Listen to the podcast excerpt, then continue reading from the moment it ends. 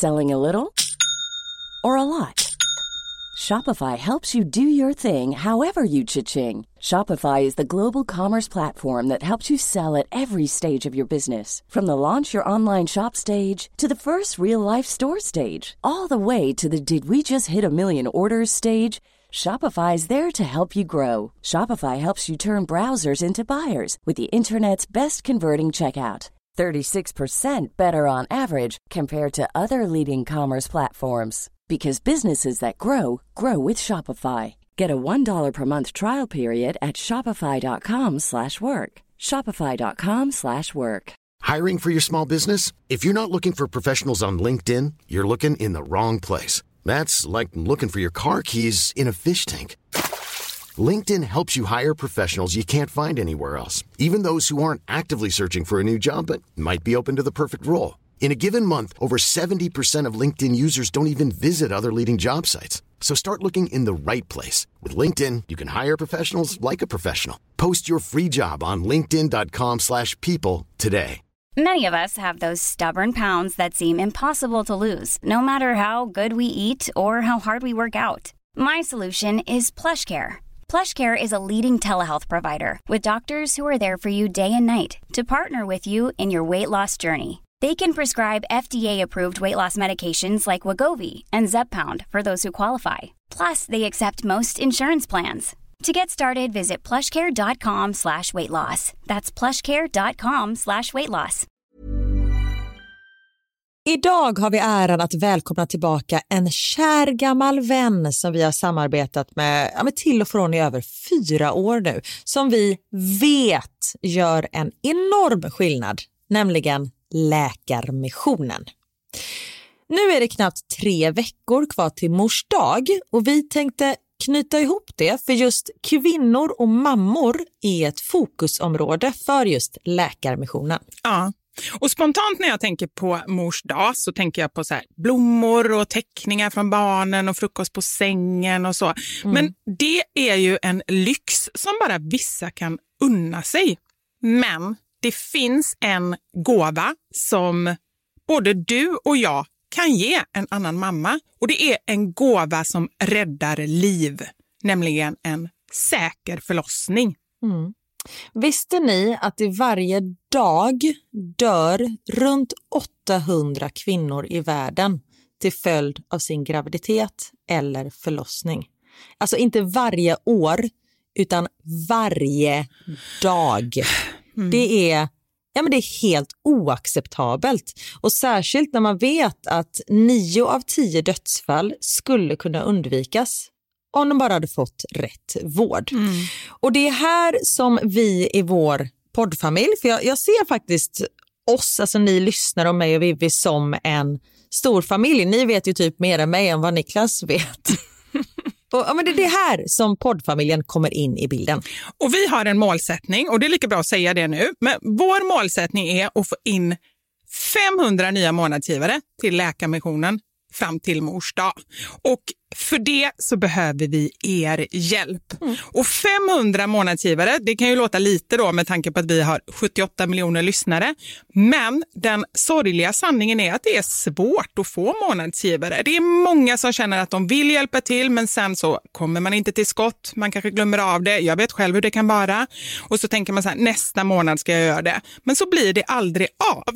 Så vårt mål är att ni ska se det här som ett tecken på att nu är det dags. Och för att det kanske ska bli lite lättare så har vi en gåva till er som blir månadsgivare. Just nu, så länge laget räcker, så får du ett Mom Wow-armband som gåva när du blir månadsgivare. Det är ett superfint armband som eh, Vivi har tagit fram tillsammans med hennes kollega. Och Du kan välja mellan guld eller silver. Så du ger alltså en mors dagpresent som räddar liv och får en fin gåva till dig själv eller till någon annan mamma du tycker om. Gå in på läkarmissionen.se vara sanningar, alltså lakarmissionen.se vara sanningar och bli månadsgivare idag. Ja, så Pausa podden och gör det nu. Det tar typ två minuter. Sen fortsätter du lyssna och känner värmen av att ha gjort något gott sprida sig i kroppen. Tack Läkarmissionen. Vi har även den här veckan ett samarbete med Rusta. Ja, det har vi. Och Sist så pratade vi om deras gigantiska utbud när det kommer till saker som man kan pynta och piffa uteplatser med. Och Karin, nu har jag några nyheter till dig. Wow! Nu har jag nämligen, ja men på riktigt, jag är helt chockad över att jag har nyheter. Exakt! Lyssna på det här. Min lilla balkong, du har ju sett den, den har ju varit totalt kal Ja. i de två åren som vi har bott här. Mm. Nu, nu är den inredd. Allt från Rusta och den har blivit så fin. Det är kafébord, två stycken jättefina korgstolar. Jag har en så här lite härlig matta som gör att det känns mer ombonat. Ett insynsskydd där jag har hängt upp såna här solceller och en sak som jag inte ens visste fanns men som har blivit så himla fint. Dekorationsställning heter det. Låter lite konstigt. Det? Men det är liksom som en ställning som man sätter ovanför bordet. Man sätter alltså fast den på sidan och så är det som en gardinstång högst upp. Nu förklarar jag jättedåligt känner jag. Jag förstår ingenting. Jag får komma hem till dig och titta på din Rusta-inredda balkong helt enkelt. Nej men lyssna nu. Man kan alltså hänga eh, ljuslyktor och lite blomslingor i den här och så blir liksom hela balkongen så här ombonad och mysig. Det låter ju helt magiskt. Det är det också. Men jag tänker så här, vi snackar ju fortfarande Sverige. Jag tänker att det kanske är lite kyligt på kvällarna, eller hur? Ja, det är det. Så jag antar att du också har fixat massa nya filtar och infravärme och ljus och annat sånt som värmer dig, eller hur? Ja, men jag har allt. Det är verkligen så himla bra. Just att Rusta verkligen har allt för livet utomhus. Kvalitet till ett bra pris helt enkelt. Precis. Besök Rustas varuhus eller rusta.com. Tack så mycket Rusta. Hur mår du Vivi? Nej, idag är det inte så bra. Nej. Det, det är... eh, Det är tungt. Det är... Jag ska säga så här att jag... Insikter och insikter, det är ju fel att säga. Det här är ju någonting som jag har vetat och känt jättelänge. Men jag har börjat prata om det. Eller jag och mamma, för allt, eller väldigt mycket handlar om min mamma. Eh, vi har börjat ha samtal som vi inte haft innan, som känns jättejobbiga, men jätteviktiga. Så att jag är liksom så här på gränsen till, jag säger det igen, jag som alldeles nyss har sagt att jag typ inte kan gråta. Jag är verkligen på eh, randen hela tiden och eh, ja, jag har nerverna på utsidan kan man säga.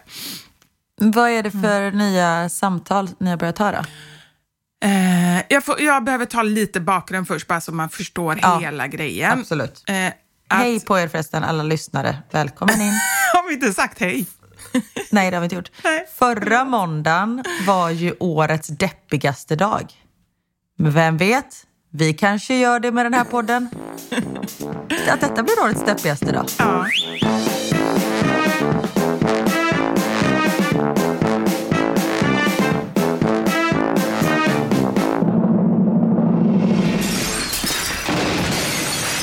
Våra sanningar. Med Vivi och Karin.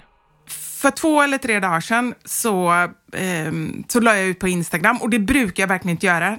Någonting som händer ja, men, en eller ibland två gånger varje månad. Jag kan berätta grejer att jag tycker saker är jobbigt men det är väldigt sällan som jag berättar någonting när jag upplever det, alltså så att det blir väldigt känslosamt.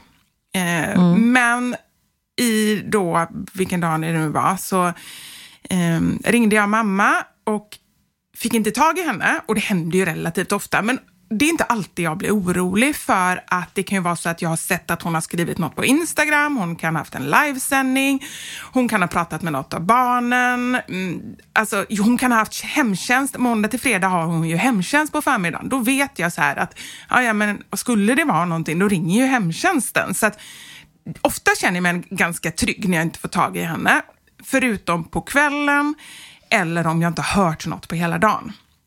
Och det här var eh, på en förmiddag, på helgen och då började min hjärna genast spinna. Dels ringde jag tre gånger och dels så var det så här, hon hade inte eh, skrivit något på Instagram, hon hade inte varit inne på Instagram sen på mm, typ sent på kvällen. Hennes hemtjänst kommer inte på helgen, du vet så här, då börjar min hjärna spinna.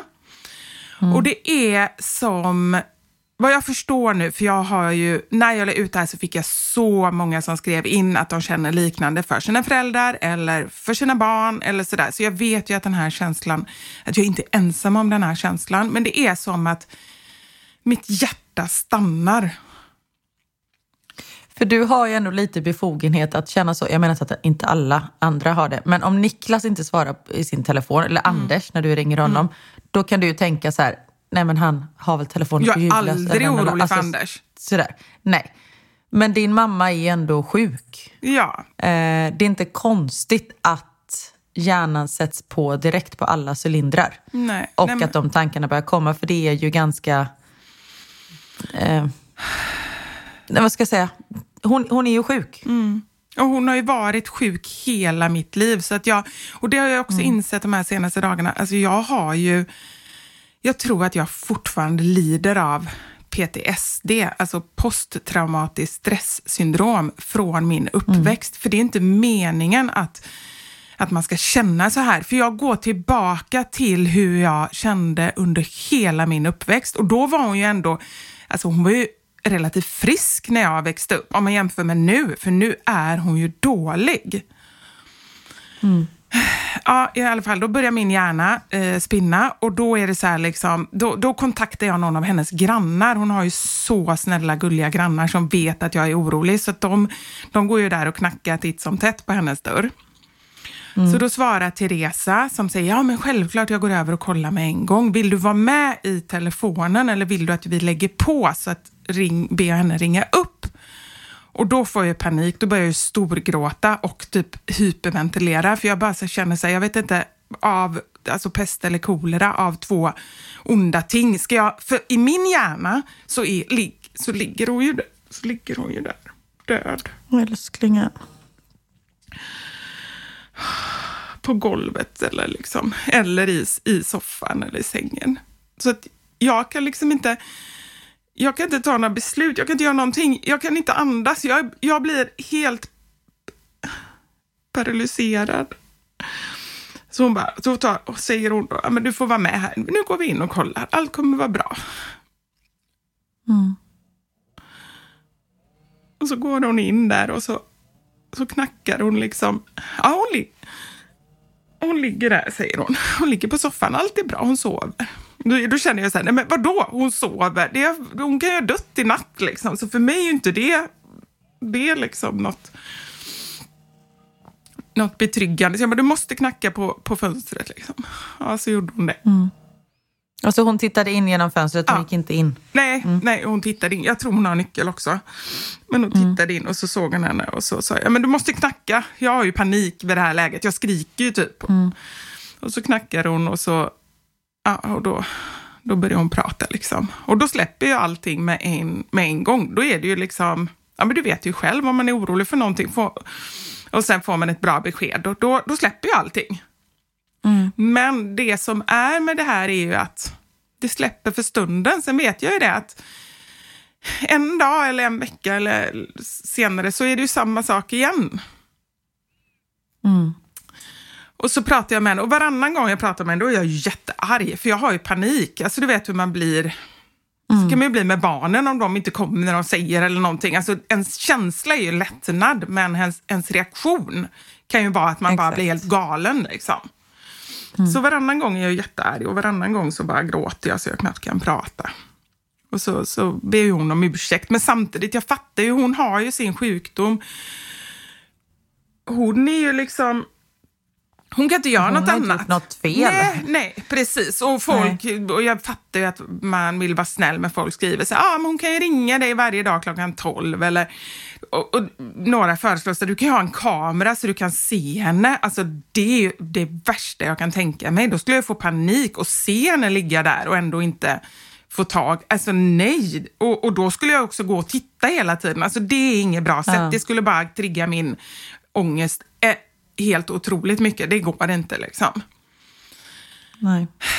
Så då, då är det ju det. Och det har ju då liksom... Samtidigt som jag är glad att allt är bra så, så inser jag att det här är ju så jävla sjukt. Så här kan jag inte ha det. Jag måste ta tag i det här på något sätt. Ja, men så här, verkligen. För, för din skull och för din mammas skull, men framför allt för din skull. För din mamma känner ju inte av den oron som du gör. Mm. Så då, eh, det är ohållbart för dig att ha det så här. Och du och jag har ju pratat lite om det, att ehm, hon kommer in på ett boende eller ett servicehem. Eh, liksom inte äldreboende, för det, det, hon är ju inte så gammal. Hon har inte, vad är hon, 65? 70? Ja, 67 tror jag. Ja. Ja. Eh, så det är inget äldreboende, men det är ju, hon behöver ju hjälp. Hon klarar ju inte av att bo själv. Jag menar, hon har ju hemtjänst. Så hon skulle ju behöva ett ställe där man har liksom sin egen lägenhet fast på ett boende där det finns personal hela tiden, där man kan trycka på en knapp, där du kan ringa till dem och att du inte känner det här ansvaret över din mamma. Och jag menar, man kommer nog alltid känna ansvar över sina föräldrar och sina barn och så, hur, hur gamla de än blir eller hur gammal man, än man själv blir. Men för din egen skull. Och, och du har ju svårt med att ta tag i. Eller det har jag också, för man vet inte var man ska börja. Men då kanske vi har några, förlåt, nu kastar jag ut en fråga för dig här. För våra lyssnare är ju helt fantastiska och de känner dig och de känner också din mamma och vet hur situationen är. Finns det någon där ute som vet hur det funkar? För du vill ju att hon ska bo i Stockholm i så fall. Och om det finns några sådana ställen i Stockholm, för det är ju väldigt många, jag vet bara min mamma har ju det här problemet med sin mamma. Eh, nu är ju min mamma, alltså det är ju generationen över som vi pratar om. Min mormor är ju, eh, hon fyller ju 100 om några månader. Eh, och hon bor ju fortfarande hemma och allt sånt. Men mamma känner att det här, det börjar bli lite ohållbart. Eh, för hon börjar bli väldigt snurrig och glömsk. Alltså min mormor. Ehm, och det är ju, alltså det är ju så här, nej men det är väntetid i 35 år. Man bara, ja, då tror jag inte att min mormor som är 100 nu kommer behöva det där hemmet. Eller vem vet, i och för sig, mormor Maj-Britt skulle kanske, om det är någon som blir 135 så är det fan hon. Ehm, men det är ju en djungel. Men det är därför jag så kastar ut frågan. Är det någon som har koll på det här? Som vet hur det funkar? Finns det privata eh, sådana här servicehem? Eller måste man stå i kö? Eller hur funkar det? Ehm, Jag har ju börjat, eh, börjat kolla på Ja. det och det var ju vid något tillfälle jag kände jag måste bara ställa upp mamma och hon har ju en förvärvd hjärnskada så då började jag där och började kolla upp liksom. Och så kom, så kom jag till något ställe som, som var så här, det behövde inte vara folk som var eh, jättegamla, utan det var med hjärnskada. Så jag bokade till och med en tid och skulle gå dit och kolla. Och då var det ju så här anhörigmöte liksom. Och då visade det sig att alla andra där var ju alltså så dåliga. Det var ju liksom kanske nästan palliativ vård, heter det så, i slutskedet. Eh, alltså ALS och, och um, den typen av hjärn, hjärn... eh, Jag tror att det är hjärnsjukdom. Men det var ju liksom inte alls rätt. Och sen har jag kollat upp Blomsterfonden som många pratar om. Ställ dig i kö! Och då kollade jag det. Det finns ett, ett ställe precis där vi bor. Det vore ju helt fantastiskt. Och då gick jag in och läste och då stod det så här. Den som har stått kortast i kö för att komma in där var så här 18 år eller någonting. Alltså jag blir bara så här, jag är ju inte, jag, jag försöker ju hjälpa så mycket som möjligt. Du ska veta hur mycket jag håller på. Idag har jag pratat med tandläkaren. Jag har, alltså det är så många grejer med henne. ja, men det är ett heltidsjobb Ja, allt det där. jag, kanske, jag pratar med en dag fyra gånger. Alltså det är bara så här, det, det är ju nästan lite sjukt. Alltså det går ju inte. Det är bara jättejobbigt och hon mår ju verkligen inte bra. Mm. Så ja, jag, jag är ju dålig på att ta tag i den här typen av saker, även för mig själv. Och då liksom blir så här huvudansvarig för, samtidigt som jag fattar att hon inte kan göra det. Men jag bara känner, när jag mår så här, det är typ övermäktigt. Nej, Nej, jag förstår och då blir det att man bara så här, äh, fuck it. Alltså att man inte orkar med någonting. Men därför jag tänker att jag kastar ut frågan. Mm, så kanske det är någon Ja. som jobbar på ett sånt här Mm. hem eller har sina föräldrar på ett sånt hem. Eh, jag vet inte om hem är det rätta ordet. Jag vet inte vad jag ska... Men, men jättegärna. jag Men jag, jag kan också begränsa det till eh, Stockholm och, så att Ja, det inte blir så här massa råd, för det är säkert olika i olika kommuner och sådär. Att nu, Ja. visst hon bor i Göteborg nu, men ska hon flytta någonstans och in på något ställe så blir det ju Stockholm så att hon är nära här. Eh, Ja. Så att det får, får Och jag menar, om inte hon bor i Kortedala, för det är ju Nej. därför hon vill bo kvar i Göteborg, Ja. för att hon vill bo kvar i Kortedala. Om hon inte ska bo kvar där, då kan hon ju lika gärna bo nära Ja. er. Nej, men det har vi Hon har inget annat som håller henne kvar i Göteborg. Mm. Det är vi överens om. Men det nu som har tagit allt detta ett steg längre, som, som jag inte pratade om på Instagram och som hände idag, eh, det var ju att jag har ju sagt till mamma, jag måste söka hjälp, jag måste börja med KBT eller liksom om det är medberoende eller om det är PTSD. Jag vet ju inte ens vad det är, men det är inte min uppgift.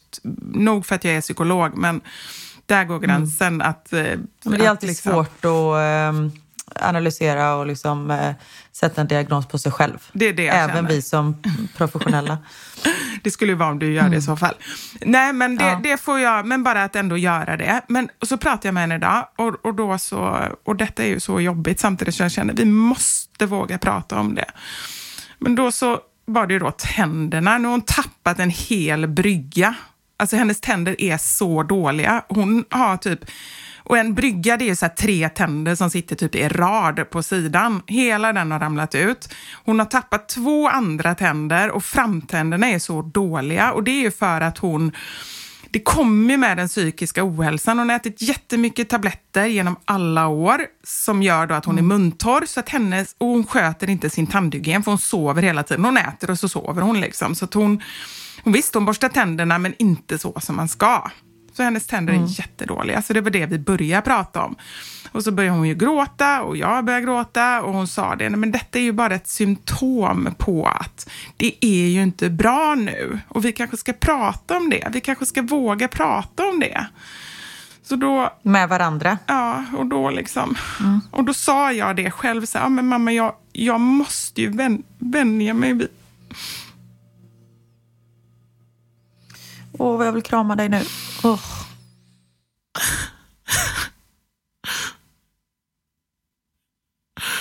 Jag måste, jag måste ju vänja mig vid tanken på att hon, att hon kommer dö. Och det är så jätte... Det är liksom... Jag måste göra det. För att hon är ju inte bra. Hon är ju liksom... Hon har inte varit utanför dörren på... Jag pratade med henne och så, hon har inte varit utanför dörren på typ tre veckor. Så nu har jag sagt till henne att jag kommer och hämtar dig. Jag, kommer, jag åker till Göteborg, jag tar tåget och åker till Göteborg och hämtar henne så får hon komma hit. Liksom. Hon vill inte åka själv. Nej. Och så får hon vara här ett tag. Nu är ju Emil är bortrest. Han är och reser i en månad eller en och en halv. Så hon kan ju vara här, liksom. då har hon ett eget rum i alla fall. Och så får vi liksom se hur det går. Får vi se hur länge hon stannar. Och det är ju så här, jag vill ju så gärna vara med henne samtidigt som jag tycker att det är jättejobbigt också stundvis. För jag får Ja, och ångest. det är inte ditt... Alltså det... Som sagt, man... ehm, man kommer alltid ta hand om sina föräldrar. Men att ta hand om en så pass sjuk människa som din mamma är, det blir ju mer som ett jobb.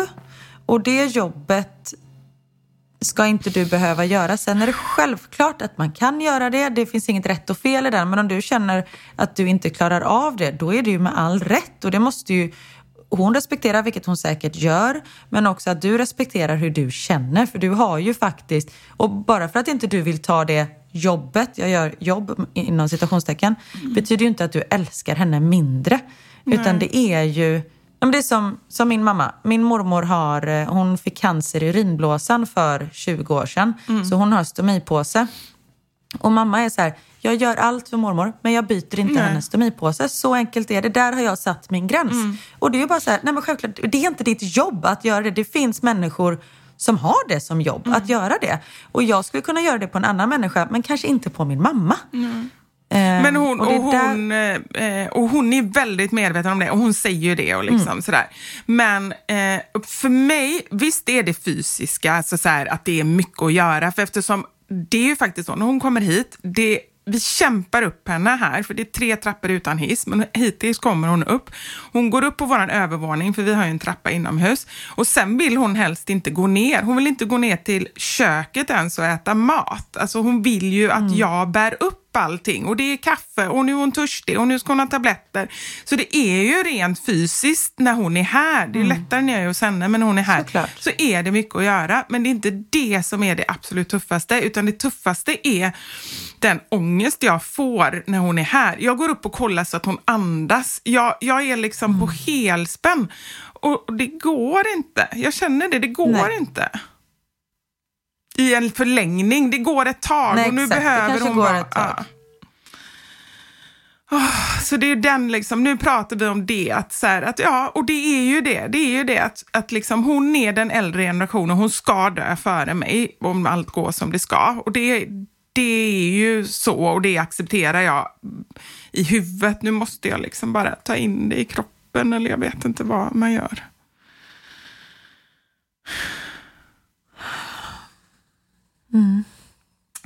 Åh, vad det blev tungt. Förlåt. Gud, jag bara så här, drar ner allt och alla.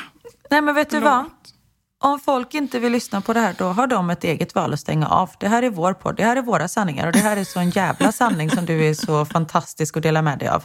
Det är inte alla som gör det. Eh, och jag, detta säger jag ju till dig dagligen, men du är helt fantastisk som, som gör allt det där. Men du är inte, du är inte mer en människa, Vivi. Nej. Nej, och det är ju också det som jag ska jobba med. Att verkligen säga, jag vet att innerst inne så vet jag att jag är bra. Jag vet att jag gör så mycket för min mamma. Eh, så att, och, och, men jag behöver befästa det på något sätt och liksom bara så här, landa i det, att jag, gör, att jag är bra, att jag gör tillräckligt och att tanken på att nej, hon kommer inte finnas för alltid och det kommer alltid vara en chock, det kommer alltid vara ångest, men jag behöver börja bearbeta det på något sätt. Ja, så där, är jag, så där är jag just nu. Men det går upp och ner. Alltså mitt liv är sånt att jag kan sitta här och må jättedåligt och sen kan jag ändå, vad ska man säga, sen kan jag vara lite glad, jag kan skratta, jag kan hålla på med grejer. Det här finns i, i botten just nu och jag vet inte hur länge det kommer finnas, men, men det är inte så att jag bara sitter hemma och gråter hela tiden, utan, utan Nej. livet pågår liksom. Nej, men du har ju lärt dig att leva med det här. Eh, och nu det sista har det blivit väldigt mycket. För ni hade ju, det har vi inte pratat om i podden, men du har pratat om det på din Instagram, med julafton och sånt där, att det blev eh, grejer där också. Så nu har det ju liksom eskalerat Ja. det sista. Precis. Ehm, och då blir det ju för mycket för vem som helst. Herregud. Och du har haft det så här hela ditt liv. Nej, det är fasiken inte att- rättvist. Och det är så här, jag har ju alltid tänkt så här, men min mamma har det värre, så vem är jag att klaga? Men jag, det är också en grej som jag tänker lite så här, att faktiskt få känna att nej, det är fasiken inte rättvist. Eller rättvist Nej. är fel ord, det är jättemycket som inte är rättvist. Men att det är inte så lätt för mig heller. Det är nog dit jag vill komma. Nej, ibland tror jag nästan att det kan vara jobbigare att stå bredvid. Ja. Nu ska jag inte jämföra det här med en förlossning, men nu gör jag det ändå. Eh, alltså att föda barn, det är ju det bästa som finns och häftigaste och bla bla bla bla. Men det är också, alltså man tror att man ska dö vilken sekund som helst för det gör så jävla ont. Men man är ändå i det och, och sådär. Men Niklas sa det, han bara, jag hade total panik och stå bredvid och veta att man inte kan göra någonting. Och Det är jag- inte heller så, så lätt. Nej. Och jag var ju med Nu på min... syftar inte han på att han hade värre. Men, jo, det ehm, tyckte han säkert. Ja, precis. Du, du skulle sett mig. Jag fick inte kaffe på två timmar för du tyckte det luktade så äckligt i munnen. Jag var ju med min, jag har ju faktiskt varit på den andra sidan. Jag var ju med min bästa kompis Jenny när hon fick sitt så första barn. coolt. När eh, Elmer var ett år, så jag var ju ja, relativt nyförläst ändå. Och Mm. eh, det var alltså den mentala pressen som var att Mm. vara bredvid. Att inte kunna göra någonting men ändå vilja göra så mycket och vara på helspänn under, för det är ju lång tid, vi var väl inne i 12 timmar eller någonting. Alltså det var, det var så dränerande så att ja, jag håller helt. Det, Ja. ja. Men det är det jag menar, att du måste få känna att det faktiskt är så. Och inte... Jag, nu drar jag en annan. Jag har en eh, bekant som är sjuk. Eh, och man är ju så här hela tiden, men det här kommer gå bra och du, kommer, du är så stark och du kommer klara det här. Liksom. Eh, men också häromdagen sa jag till henne, jag bara, vet du vad? Det är så jävla orättvist. Du måste bara få känna, du behöver inte alltid vara stark, du måste också få sörja det här. Och bara känna att det är så jävla orättvist. För det är ju det. Ja, men det Och jag menar inte att det. skulle vara bättre om någon annan blev Alltså det är inte så jag menar med orättvist. För det kan ju vara så här, åh det är orättvist, du fick en större chokladbit. Alltså inte på det sättet. Men att det är ja, men så jävla fel. Och ja, men precis som du gör nu, att du faktiskt får sörja det. För det är jätteviktigt. För man måste nog få, få känna det att man inte förtjänar det för att sen orka vara stark. Men om man bara ska tänka så jävla Ja. positivt hela tiden, det är ju svinjobbigt. Vad fan? Nej, det är helt Det kan sant. dra åt helvete, Ja. alltså på riktigt. Så jag tror att man måste bara få så här, få liksom säga, dra åt helvete Mm. jävla skitcancer eller hjärntumör eller vad, vad fan Ja. det är, psykisk ohälsa. Mm. För att man sen, så, det är så här jag känner, Mm. men nu kommer jag göra någonting åt det. Så att man inte bara liksom Nej, är helt, positiv. helt sant. Tack Karin. Ah, det, känns, eh, ja, det känns jätteskönt att få prata lite. Tack så mycket. Men du är fantastisk. Tack.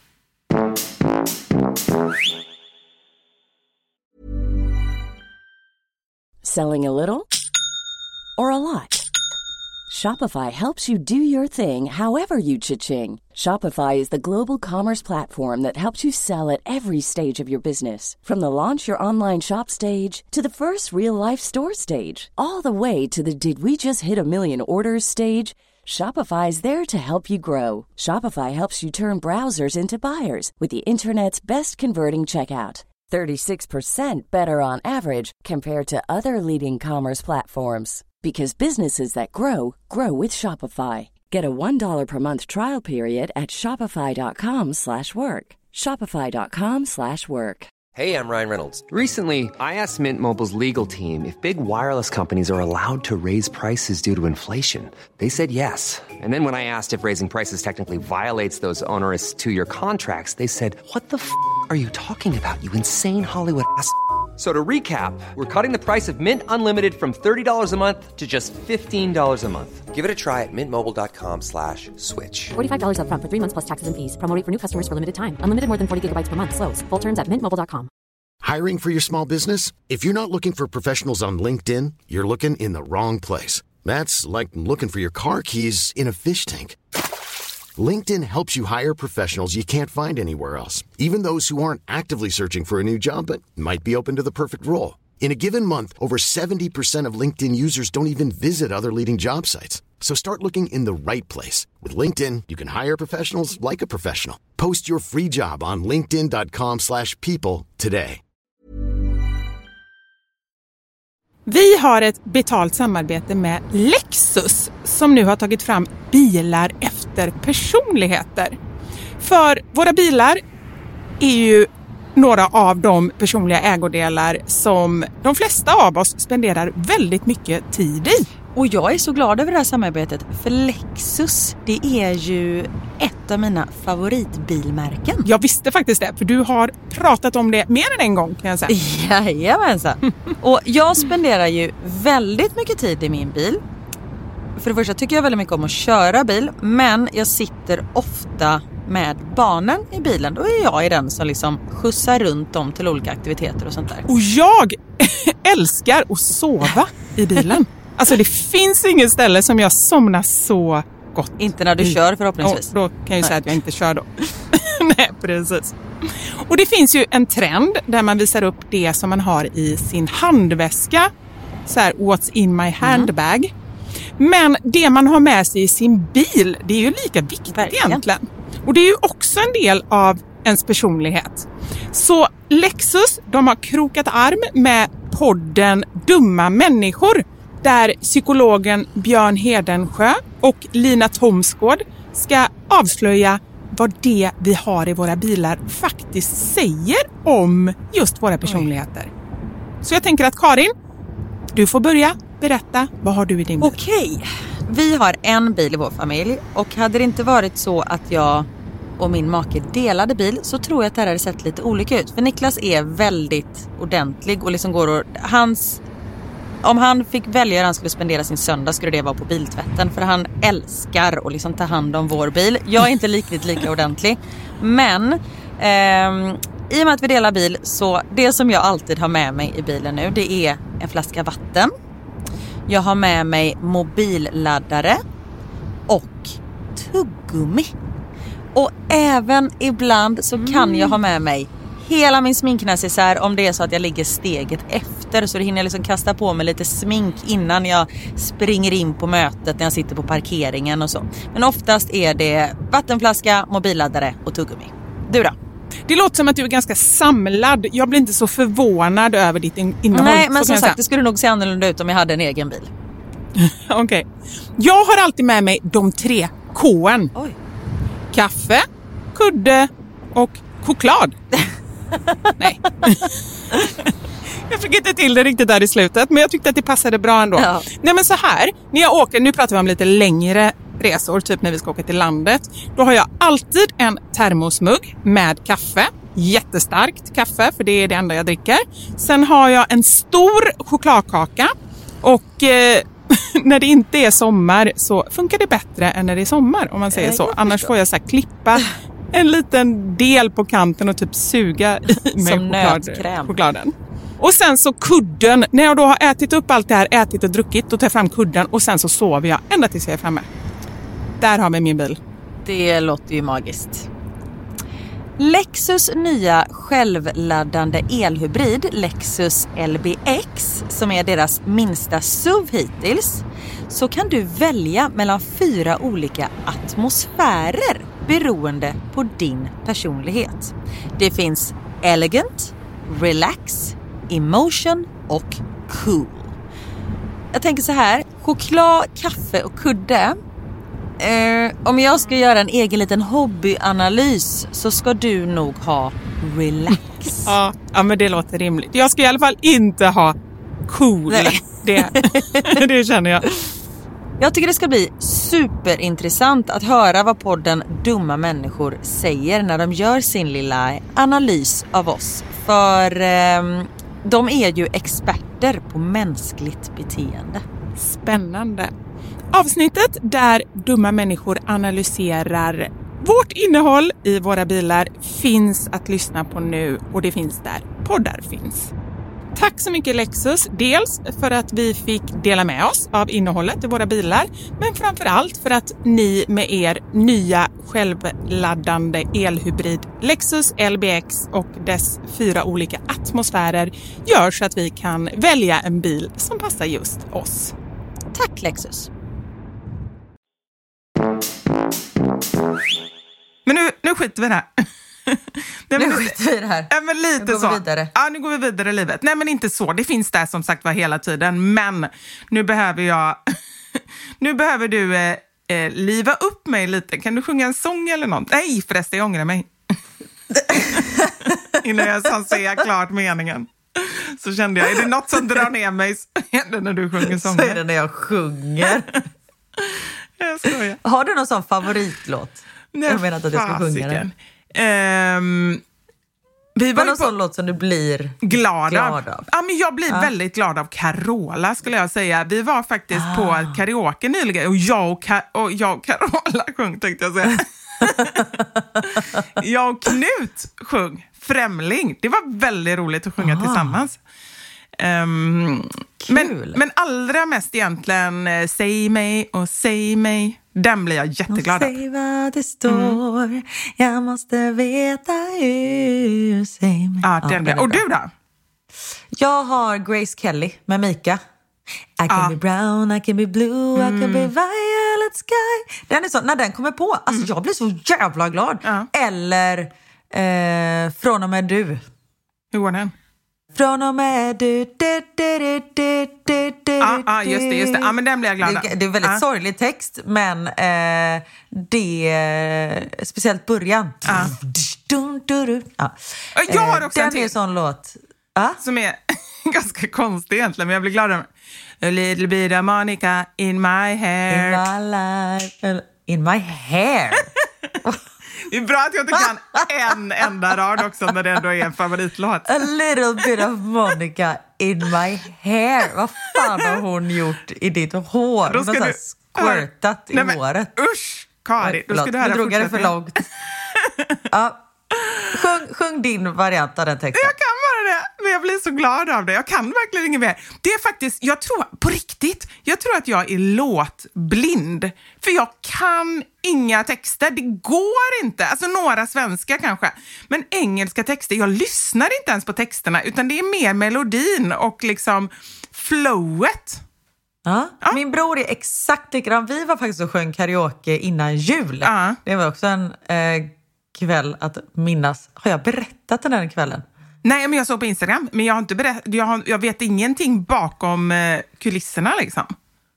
Ja, eh, jag kan berätta, Ja. apropå eh, att liva upp stämningen lite. Ja. Nej, men, eh, men han är också, alltså, och då står han ändå och sjunger karaoke och har texten framför sig och sjunger en annan text. Man bara, men det står ju där, alltså på riktigt. Men han kanske har dyslexi. Det är en annan grej. det är sant i och för sig. Men nej, det vet vi faktiskt att han inte har. Ja. Nej. Men eh, det, alltså, både du och jag är ju redan på bättre humör nu när vi pratar om låtar. Och jag tänker bara, vem fan blir inte glad om man har Monica i håret? Det är Nej. klart man blir glad då. Eller hur? Ja? Ah, underbart. Mm. Men vad hände på karaoken då?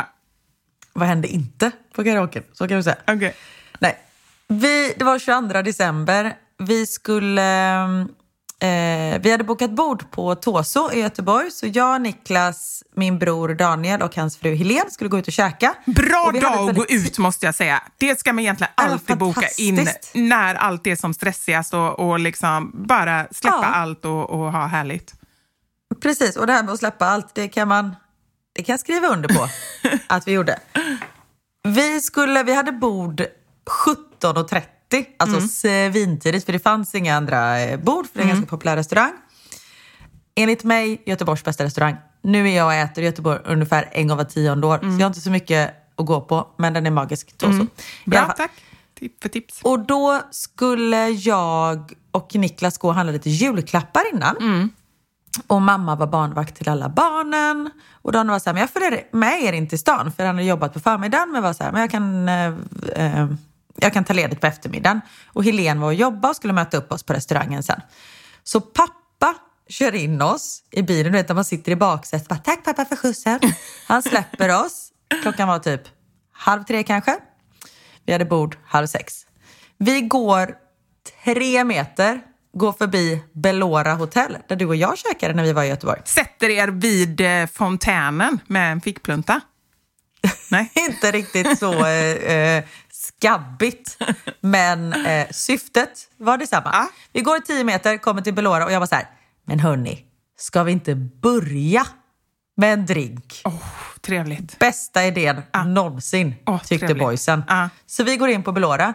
Där sitter vi till 17.25 då vi kommer på att helvete, vi har ju bord om fem minuter högst upp på Avenyn. Så då var vi så här, betala och då hade vi ändå, alltså vi var inte dyngraka, men man hade ändå några drinkar innanför västen. Möter upp, eller nej, för det första så åker vi spårvagn upp jag och Niklas. Då träffar vi en på spårvagnen som vi inte har sett på ja, men tio år i alla fall. Och vi kommer ju bara, men gud, hej, så här, hur mår du? Och då står hon med sin tioåriga son. Och, du vet, och jag bara, vi har druckit drinkar. Du vet, så här, Niklas bara, tyst. Och jag bara, varför ska jag liksom basunera ut det här? Jag tror att hon för det första märker på mig att jag har druckit lite drinkar. men också så här, bara var tyst. Alltså på riktigt. Jag bara, "Hu, förlåt, hu." du vet, så fnittrar hon bara, mm, okej, jag har precis hämtat på skolan. Jag bara, jajamensan, du vet så här. Ja. Men då var klockan ändå en anständig tid. Det vore värre om det var typ så här halv tre när det precis började. Mm, klockan var halv sex, så jag vet inte om det var så jävla mycket bättre. Men ja, i alla fall. Vi möter upp Helene, hon känner så här, här ligger jag efter. Eh, och vi bara, förlåt. Men ja, hade en supertrevlig middag. Det lilla du kommer Käka ihåg. gott, dricker gott. Nej, jag kommer faktiskt ihåg allt. Så illa är det inte. Så Nej. jag tappade faktiskt aldrig brutalt, så ska vi säga. Det har jag faktiskt aldrig sett, det måste jag säga. Vi har ju ändå gjort en hel del grejer ihop och, och varit ute och sådär. Och du, eh, du blir glad, men det är liksom, jag har aldrig sett någonting annat. Nej, men jag, jag har liksom en gräns. Jag är så, här, så, ett glas till och det kommer bli att... Alltså inte att jag blir odräglig, men att jag inte har fullt koll på läget. Jag, har ju, jag gillar ju att ha koll på situationen, punkt slut. Jag gillar att tappa ko- kollen. Det är faktiskt sant, det är jättehemskt att säga. Men jag, liksom så här, jag tycker det är lite skönt för att min hjärna är så himla liksom bara speedad. Och jag kan tycka, nu pratar vi om ett eller två glas vin, du vet när den bara... mm, Eh, hastigheten sänks. Det som gör att jag inte eller väldigt, väldigt sällan dricker för mycket, det är att jag vet att jag alltid måste betala dagen efter så otroligt Ja. mycket. Så där har jag ju min spärr. Så, så länge man har en spärr är det väl bra. Och vilken tur att du aldrig har testat droger då, för då tänker jag att då skulle du verkligen kunna tycka om det. Nu har inte jag heller testat droger, så jag vet inte hur det är. Men... Nu blir jag lite, lite peppen då. Vadå? Varför det? Har man lite bakfull? Nej, men att det här med att släppa kontrollen. Nej, det är väldigt tur. Om det är Ja, det, du gillar. verkligen- För det är ja. Mm. därför jag inte testar droger. Eller eh, också för att det är olagligt, vill jag också bara poängtera. Men, men för att jag är rädd för att, ja, att jag- jag ska tappa kontrollen. Jag var ju rädd bara för att ta lustgas under förlossning. Mhm. För jag var så här, men tänk om jag hatar den här känslan och Mm. så går det inte bort. De bara, men då är det bara andas vanlig luft i två minuter, eller två sekunder. Sen går det över. Man bara, okej. Åh gud, jag bara vill försvinna. Nej, och gud, Oj. det låter ju jättehemskt. Så allvarligt är det inte. Men jag har inte det problemet. Jag har andra problem, om, man, om vi säger så. Det kanske jag inte behöver intyga efter den här podden. Nej, de första 30 minuterna, vi fattar. Nu undrar alla varför inte du tar droger. Det kanske är mitt nya jag. Folk håller på där Nej. med...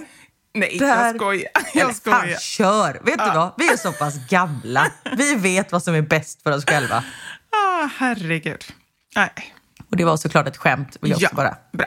Att förtydliga. Ja. Nej, men så vi ehm, ätit gott, druckit gott, mår toppen. Klockan är väl typ, jag vet inte, halv nio. Alltså vi pratar, folk, nu kom liksom alla andra för att äta, då hade vi ätit klart. Och vi var så här, ska gå ner för appen, vi bara, vi kan ju inte gå hem nu. Alltså det, det går inte, vi har barnvakt, livet är toppen. Så Daniel bara, vi kör en barrunda. Vi stannar på alla ställen nerför hela Avenyn och tar en drink. Det har inte jag gjort sedan Ayia Napa 99. Nej, Nej. exakt. Och det har inte jag heller gjort sedan Ayia Napa 99. För jag ska berätta om den här eh, barrundan.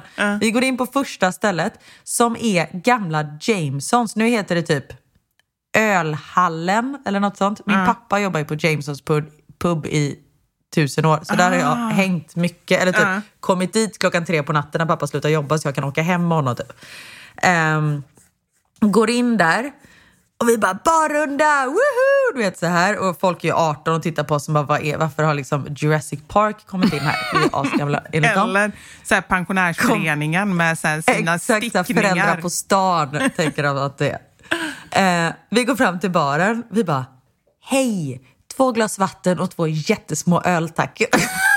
vi kände att vi kommer inte kunna hantera det här. Så jag och Helene står med varsitt glas vatten och Daniel och, Helene, eller Daniel och, ehm, åh, vad heter min man? Eh, Niklas. Han, Han, står den där liksom stora med blonda. galopp. ja, han är den stora blonda, vad heter han? Ehm, Niklas. De står med en liten öl och vi bara, bra start på barrundan. Ja. Och sen så går vi vidare, sätter oss i baren på... Eh, ja, fan, det heter ju Belora. Det hotellet. Det första hotellet vi var på och drack drinkar klockan tre, det heter Pigalle. Nu var vi på Belora. Okej. För alla som antecknar, Jobbigt att hålla, hålla ordning här. Ja, men precis. Jag är ju en av dem. Ja. Men yes, jag skriver ner. Tack. Ja, nu var vi på Belora och drack Mm. drinkar. Och då sitter Niklas, han bara, fan mannen längst där bort i baren, jag känner igen honom så jävla väl. Och jag känner inte igen mina egna barn, så jag är så här, "Nej, ingen aning. Jag bara, han kanske kan vara han epidemiologen, vad hette han nu då? Anders Tegnell? Tegnell. Hans, Nej. Anders Tegnells bror. Niklas bara, det tror jag inte att det är, för de såg lite lika ut. Han bara, nej det är det inte. Han bara, och han bryter, han pratar med en engelsk eh, dialekt. Och så Niklas han bara, nej jag måste gå fram och fråga. Och då den där killen han bara, nej men Niklas, hej hur mår du? Niklas bara, eh vad fan. Då visar det sig att den här mannen, han kanske är 66 år gammal. Älskar att han kanske är... och så Nej, men för han var i antal. pensionärsålder men han jobbade fortfarande. Han var Ja. liksom så här, hade något år kvar. Det är därför jag säger 66. Mm. Ja, men det tror var jag också. 67 när man pensionerade sig. 66. Han jobbar som vaktmästare på Niklas jobb i Bryssel. Va? Ja, Alltså jag tycker det är konstigt att möta personen som jobbar i ICA utanför ICA. Då blir jag så här, alltså då är det i fel sammanhang, då fattar jag ingenting. Att då möta någon som man brukar träffa på andra sidan jorden, kanske inte riktigt, men åtminstone i ett annat land, det blir liksom som mindfucking. nej, nej men det är ju jättekonstigt. Verkligen. Och, ja, och de har ju inte jobbat ihop utan Niklas har liksom sett honom gå runt där och, och vice versa. Eh, så det är inte så att de är- var närmsta kollegor. Men det slutar med att Steve, som han heter, Nu har flyttat in hos er. Vi har liksom blivit Vi bästa bara, vänner. Vi ska gå och sjunga karaoke, du ska med. Han bara, okej. Så vi står och sjunger karaoke med Steve och två andra som jag har på film, som jag inte riktigt vet vilka de är fortfarande. Eh, vi sjunger karaoke till två på natten.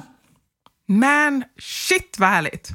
Ja, men det var så magiskt, du vet när det bara blir så här spontant. Och, och det här karaokestället är ett sånt ställe, du vet man, man kan låna kläder och peruker och det finns instrument och grejer. Vad heter det?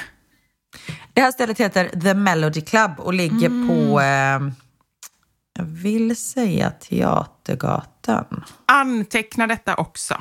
Ja, I. Teatergatan 26. Det var även där jag var när vi hade reunion eh, med mitt eh, gymnasiegäng. Ah, just det. Men då var det lite mer också. press. Nu var det lite mer kul. Ja. Eh, det börjar med att vi tappar bort min bror, det första som hände när vi kom in på stället. Han kommer in två minuter senare med en röd kort peruk och en typ kaftan, eller så här, eh, en klänning, du vet så här gospelklänning. Den står han i i tre timmar och sjunger i sen. Och jag har aldrig sett, för min bror han var så lite nervös innan för han tycker inte om att sjunga, eller han tycker om att sjunga men inte in public. Ja. Eh, och du vet, han bara såhär, jag har aldrig sjungit karaoke. Är det liksom folk som lyssnar? Hur kommer publiken? Jag bara, Daniel det är ingen publik. Alltså det är jag som är din publik. Han bara, ah okej. Han hade byggt upp så här att han skulle gå upp på Globen scen typ och sjunga för hela Globen. Men vet, han lämnade inte scenen och han står och sjunger. Och det som är med karaoke, även om man kan sjunga, det spelar liksom ingen roll. Det Nej, jag låter vet. för jävligt ändå. Det är nästa, alltså det, det, det är en grej som jag kände när jag, eftersom jag då är en av de som inte kan sjunga, att det spelar verkligen ingen roll heller, för att alla andra sjunger ju också med, så det spelar ju verkligen ingen roll om man kan sjunga eller inte. Exakt! Och jag som ändå kan sjunga lite, du vet när man lyssnar på bandet, man bara, nej men om, om jag kommer spela upp det, jag kommer aldrig få ett sångjobb för resten av mitt liv. Varsågod och spela upp. Okej, here we go.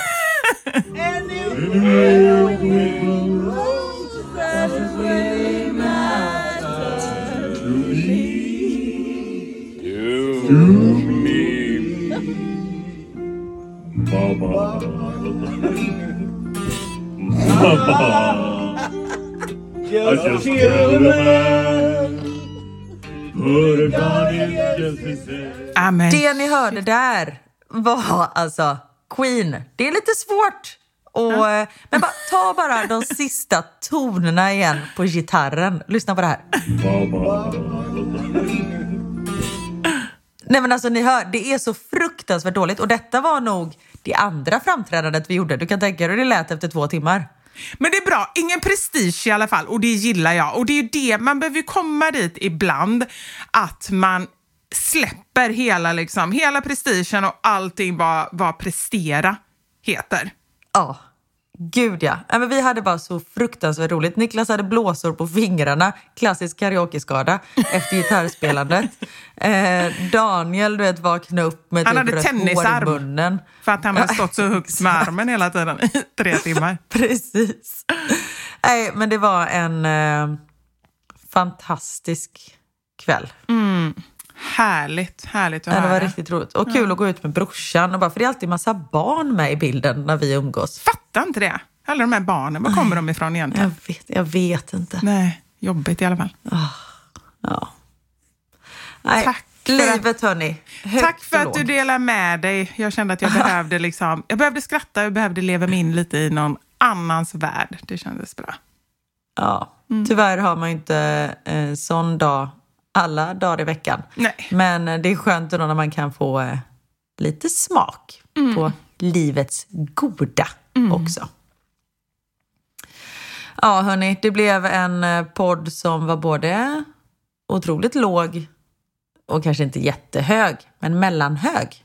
Inte så hög kvalitet, men ändå hög Nej. energi. Kan man säga. Alltså, inte så hög absolut. kvalitet på musiken, men hög energi. Nej, det är sant. Men vi kan eh, avsluta med ännu mer sång, tänker jag. Att det kan Ja. vara sista ni hör härifrån Ja. oss. Men innan vi avslutar vill jag också säga på torsdag så är det ju eh, våra sanningar, eller era sanningar. Och då ska vi prata om nya ord. Just det! Alltså gud vad jag är seg i huvudet. Jag bara, men det gjorde vi Ja, förra alltså, jag veckan tänkte bara, tänkte jag. bröts det?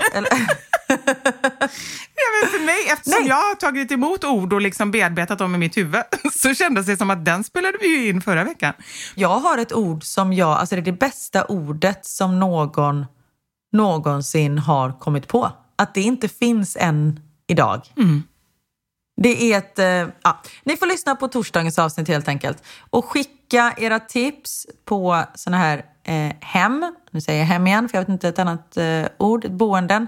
Eh, ni kan skicka både till mig och till Vivi på våra Instagram så vidarebefordrar jag allting till Vivi så får inte hon allt i knät. Och då gäller det alltså Stockholm, Ja, gärna centralt i Stockholm. tack så mycket. Tack på förhand.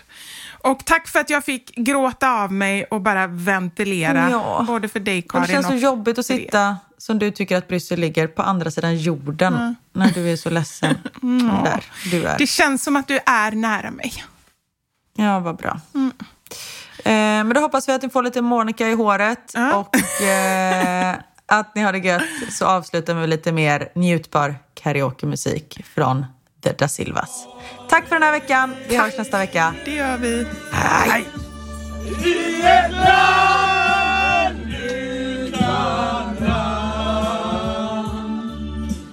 I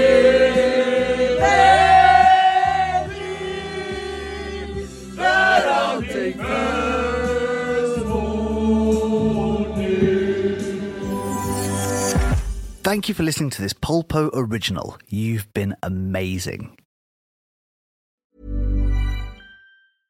Selling a little or a lot? Shopify helps you do your thing however you cha-ching. Shopify is the global commerce platform that helps you sell at every stage of your business. From the launch your online shop stage to the first real life store stage, all the way to the did we just hit a million orders stage. Shopify is there to help you grow. Shopify helps you turn browsers into buyers with the internet's best converting checkout. 36% better on average compared to other leading commerce platforms because businesses that grow grow with Shopify. Get a $1 per month trial period at shopify.com/work. shopify.com/work. Even when we're on a budget, we still deserve nice things. Quince is a place to scoop up stunning high-end goods for 50 to 80% less than similar brands. They have buttery soft cashmere sweaters starting at $50, luxurious Italian leather bags, and so much more. Plus, Quince only works with factories that use safe, ethical, and responsible manufacturing. Get the high-end goods you'll love without the high price tag with Quince. Go to quince.com slash style for free shipping and 365-day returns.